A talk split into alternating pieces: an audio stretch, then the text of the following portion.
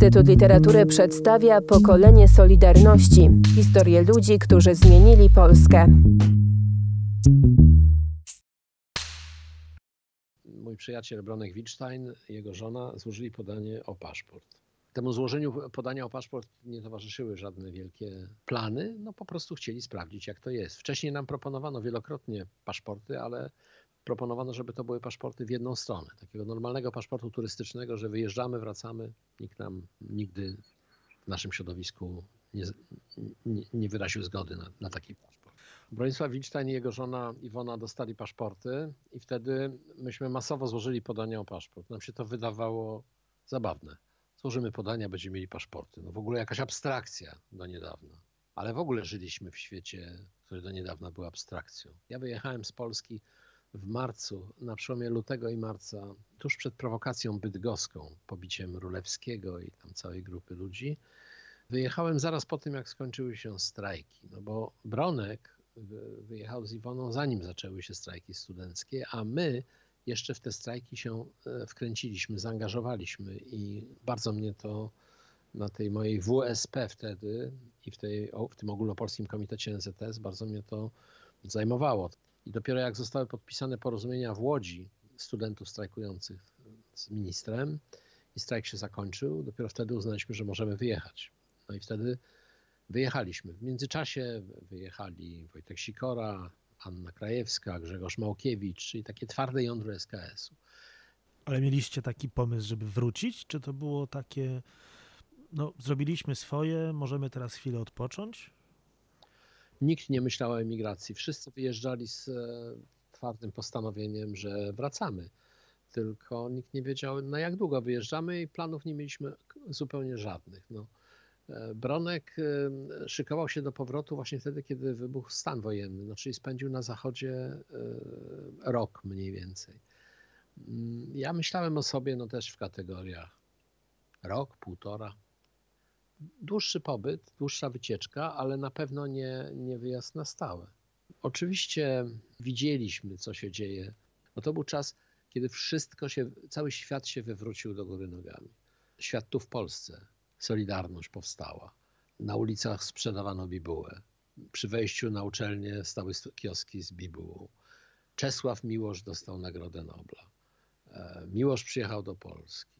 Polański przyjechał do Polski. No w ogóle mieliśmy wrażenie, że raptem tutaj odpadła, odpadła jakieś, jakaś przykrywka, która ten jeden kraj w całym bloku dusiła i że tu po prostu no, wdarł się tlen. Do Paryża przyjechała bardzo duża delegacja związkowa na konferencję w grudniu 1981 roku, już po zjeździe. I pamiętam doskonale, jak jeden z działaczy bardziej znanych działaczy Solidarności i Koru wcześniej, e, przekonywał nas, że głupio robimy, że siedzimy tutaj w tym Paryżu, bo tam, w sensie w Warszawie, w Polsce, nad Wisłą, można uczestniczyć w e, dobijaniu komuny, a my tutaj marnujemy czas. Ta rozmowa miała miejsce 12 grudnia 1981 roku. 12 grudnia. Brał w niej udział, udział Wojtek Sikora w Paryżu, ja. No i właśnie świeżo przybyła z Polski delegacja Solidarności. Ta delegacja Solidarności została w Paryżu na następnych 10 lat prawie, ponieważ następnej nocy w Polsce na, wprowadzono stan wojenny. O której skończyła się ta rozmowa? Rozmowa e, skończyła się około 10-11 wieczorem. Ja stamtąd przed północą na pewno, około 11 chyba, czmychnąłem, ponieważ e, miałem bilety do kina na film Stalker, nocny seans. Ten seans się skończył koło drugiej no, nad ranem albo jeszcze później. No i potem doczekała mnie długa podróż do domu, bo ja mieszkałem wtedy w miejscowości Montgeron pod Paryżem, tej samej, w której zresztą mieszkał Czesław Miłosz w latach 50. Potem jak wybrał wolność, został we Francji i na, na, na samym początku mieszkał w Maison Lafitte u ale potem właśnie zamieszkał w Mongeronie. No krótko mówiąc, koło, nie wiem, czwartej pewnie dotarłem do domu i poszliśmy spać, no, w, kilka, w kilka osób, a nie wiem, godzinę, półtorej później obudził mnie uporczywy telefon, który nie chciał przestać dzwonić. Ja po prostu myślałem, że oszaleję. Tak bardzo mi się nie chciało wstać do tego telefonu. Ale to dzwonili jacyś nasi znajomi ze Skandynawii, którzy dostali informację już z Polski, że jest wprowadzony stan wojenny i dowiedzieliśmy się tego 5-6 rano. Kompletnie nie wiedzieliśmy, co to znaczy, prawda, stan wojenny. Apokaliptyczne jakieś do, dochodziły pierwsze informacje. Ja mieszkałem na terenie takiego rosyjskiego ośrodka w Mongeronie, na terenie kilkusetletniego Zamczyska.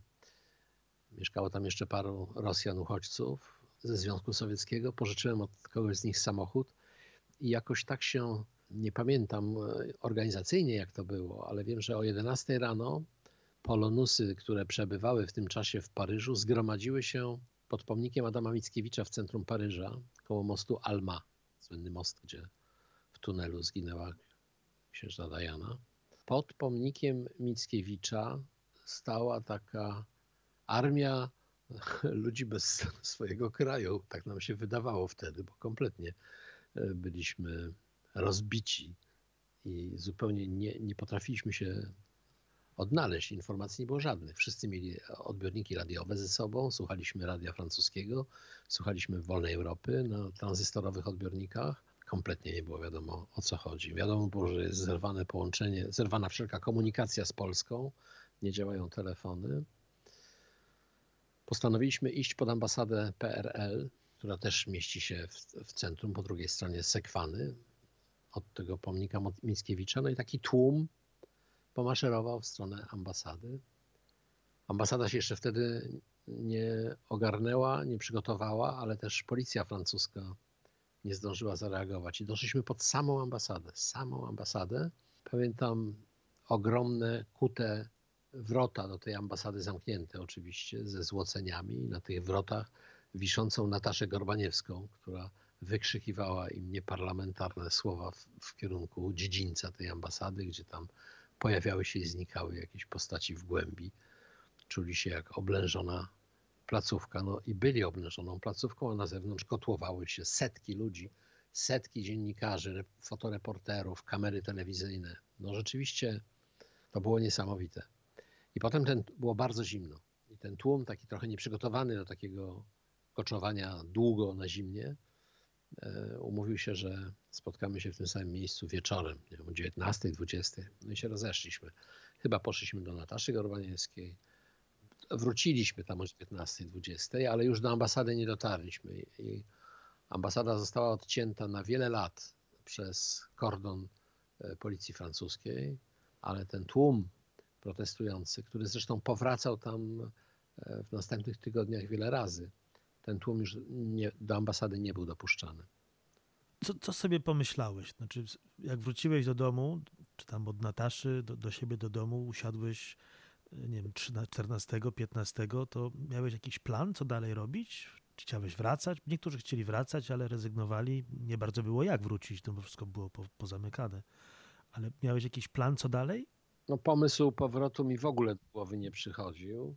Bronek e, Wilstein to y, rzeczywiście w zasadzie go ta wiadomość zastała w podróży, bo on już gdzieś był, chyba był w Holandii w tym momencie, kierując się już w stronę Polski z Iwoną, swoją żoną. Natomiast ja nie, ja miałem plan jeszcze tam siedzieć dość długo. Byłem w trakcie tłumaczenia książki z, z języka rosyjskiego na polski dla wydawcy w Londynie. To była książka Władimira Bukowskiego i Powraca wiatr. E, wiedziałem, że muszę ją skończyć. E, miałem umowę, potrzebne mi były te pieniądze, które należały mi się za to tłumaczenie. Chciałem, żeby ta książka się ukazała, e, więc zupełnie nie miałem takiego odruchu, żeby wracać do, do kraju. Ale zupełnie też nie miałem jasności, w ogóle nie wiedziałem, co, to, co oznacza dla nas na dłuższą metę ta sytuacja. Dla mnie ta sytuacja osobiście była rozwiązaniem moich problemów wizowych. Kończyła mi się już wiza dwukrotnie przedłużana francuska i miałem pewne kłopoty z e, utrzymaniem prawa stałego pobytu we Francji, więc e, ponieważ e, w dniu 13 grudnia Jaruzelski wprowadzając stan wojenny, równocześnie wszystkim Polakom we Francji uregulował ich status pobytowy. Znaczy Francuzi powiedzieli, że każdy Polak ma traktować ziemię francuską terre d'asile, jako ziemię E, obszar azylu politycznego. Ja byłem jednym z pierwszych, który powiedział, że my tu zostaniemy na dłużej. Zresztą Bronewicz ten w swojej książeczce Jak woda, pierwszej książce swojej opisującej nasze, troszkę opisującej nasze tam miesiące i, i pierwsze lata bytowania, on to zapamiętał. Ale pierwsze tygodnie to było takie miotanie się. Myśl, powstawały różne instytucje nowej emigracji. Powstał przy centrali związków zawodowych, takiej socjalistycznej centrali CFDT, powstał e, Komitet Poparcia Solidarności. Powstała francuska organizacja Francuzów, którzy chcieli pomagać Solidarności. Powstała, założyli organizację Solidarité avec Solidarność, czyli Solidarność z Solidarnością. W Brukseli powstała centrala, nie pamiętam dokładnie kiedy ona powstała, ale powstała centralna taka organizacja pomocy dla, dla Solidarności z Jerzym Milewskim na czele. W komitecie paryskim, tym przy CFDT, pojawiły się takie postaci jak e, aktor Andrzej Seweryn, który był wtedy w Paryżu, Jacek Kaczmarski, który był wtedy w Paryżu, Agnieszka Holland. Współpracowaliśmy z tym Komitetem Solidarności, ale też czuliśmy się tam troszkę nie u siebie, więc e, otrzymaliśmy lokale od e, organizacji francuskiej związkowej w, na uniwersytecie w centrum Paryża, Uniwersytecie Jussieu. I tam no, założyliśmy taką organizację, która z jednej strony starała się być biurem komunikacyjnym, konsultacyjnym dla no, setek studentów, którzy się znajdowali wtedy w okolicy i kolportując informację, że my tam jesteśmy, powodowaliśmy, że, że coraz więcej ludzi tam do nas przychodziło. Chcieli zapytać po prostu, jak funkcjonować. Potem zaczęły się pojawiać bardzo liczne zaproszenia, żeby przyjeżdżać na różne wyższe uczelnie z opowieścią o tym, co się w Polsce dzieje podczas takich spotkań spontanicznie organizowano zbiórki pieniędzy na Solidarność, na pomoc dla prześladowanych, dla więźniów politycznych, dla ich rodzin. Zaczęły się organizować pierwsze transporty pomocy do, do Polski humanitarnej. Bardzo dużo ich szło z, z Francji. Bardzo dużo. To były całe konwoje, które szły na wschód. I to głównie środowisk lewackich, lewicowych, lewackich. Potem zaczęły się rzeczywiście liczne zaproszenia zagraniczne. Anka Krajewska jeździła do Japonii opowiadać o, o tym, co się stało w Polsce. Ja z kolei mnie przypadła Skandynawia. Jeździliśmy po większych ośrodkach akademickich, gdzie zbierano kupę forsy i gdzie rzeczywiście no, y, robiono czarny PR Jaruzelowi. No, o, to, o to w sumie chodziło. I tak e, bardzo płynnie z pozycji takich nieokreślonych e, staliśmy się bardzo określonymi, no po prostu politycznymi uchodźcami. Ja wystąpiłem e, o azyl polityczny. Pomogła mi w tym rozmowa z taką panią, do dziś pamiętam, nazywała się Irena Chwostow, 2F na końcu i była córką białych emigrantów w Paryżu, których było tam po rewolucji bolszewickiej masę. I ona powiedziała do mnie, jak się dowiedziała, że ja mówię po rosyjsku, że znam, że znam język, przeszliśmy, przeszliśmy na, na, na rosyjski i ona mówi mi, pamiętam doskonale, że u mnie w domu, wśród moich rodziców, ten status takiego uchodźcy, człowieka, który jest e, apatrid, czyli bezpaństwowcem, bez swojej ojczyzny, był bardzo mocno obecny. I pamiętam, że ja dorastałam, urodziłam się przed wojną, dorastałam w domu moich rodziców, wygnańców i pamiętam, że całe swoje życie spędziłam potykając się o walizki, które stały w tym mieszkaniu nierozpakowane od 20, 30, potem 40 lat. To były walizki moich rodziców, z którymi oni wyjechali z Rosji i uważali, że za chwilę będą wracać. I tak całe życie spędzili, aż zostali pochowani tutaj na francuskiej ziemi, nigdy nie pogodziwszy się z tym, że są uchodźcami. Ja wtedy sobie pomyślałem, słuchając tej opowieści, no ja bym nie chciał całe życie się potykać o swoje walizki i poprosiłem o azyl polityczny po to, żeby móc do, dostać dokument, który pozwoli mi jeździć po Europie, jeździć po świecie. To był taki tak zwany titre de voyage, czyli dokument podróży. Myśmy na niego mówili blue jean, bo on był taki w takim niebieskim płótnie. I to był taki dokument podróży, który mówił, że jest ważny na wszystkie kraje świata, za wyjątkiem Tutaj było miejsce do wpisania kraju i teraz e, w tej instytucji, która przyznawała te dokumenty, wpisywano człowiekowi, który z jakiegoś kraju jest uchodźcą, ten właśnie kraj. No i, i tak e, jedno po drugim e, zostawaliśmy z tymi e, dokumentami podróży bardziej na stałe. Pokolenie Solidarności. Cykl podcastów przygotowanych przez Instytut Literatury w Krakowie.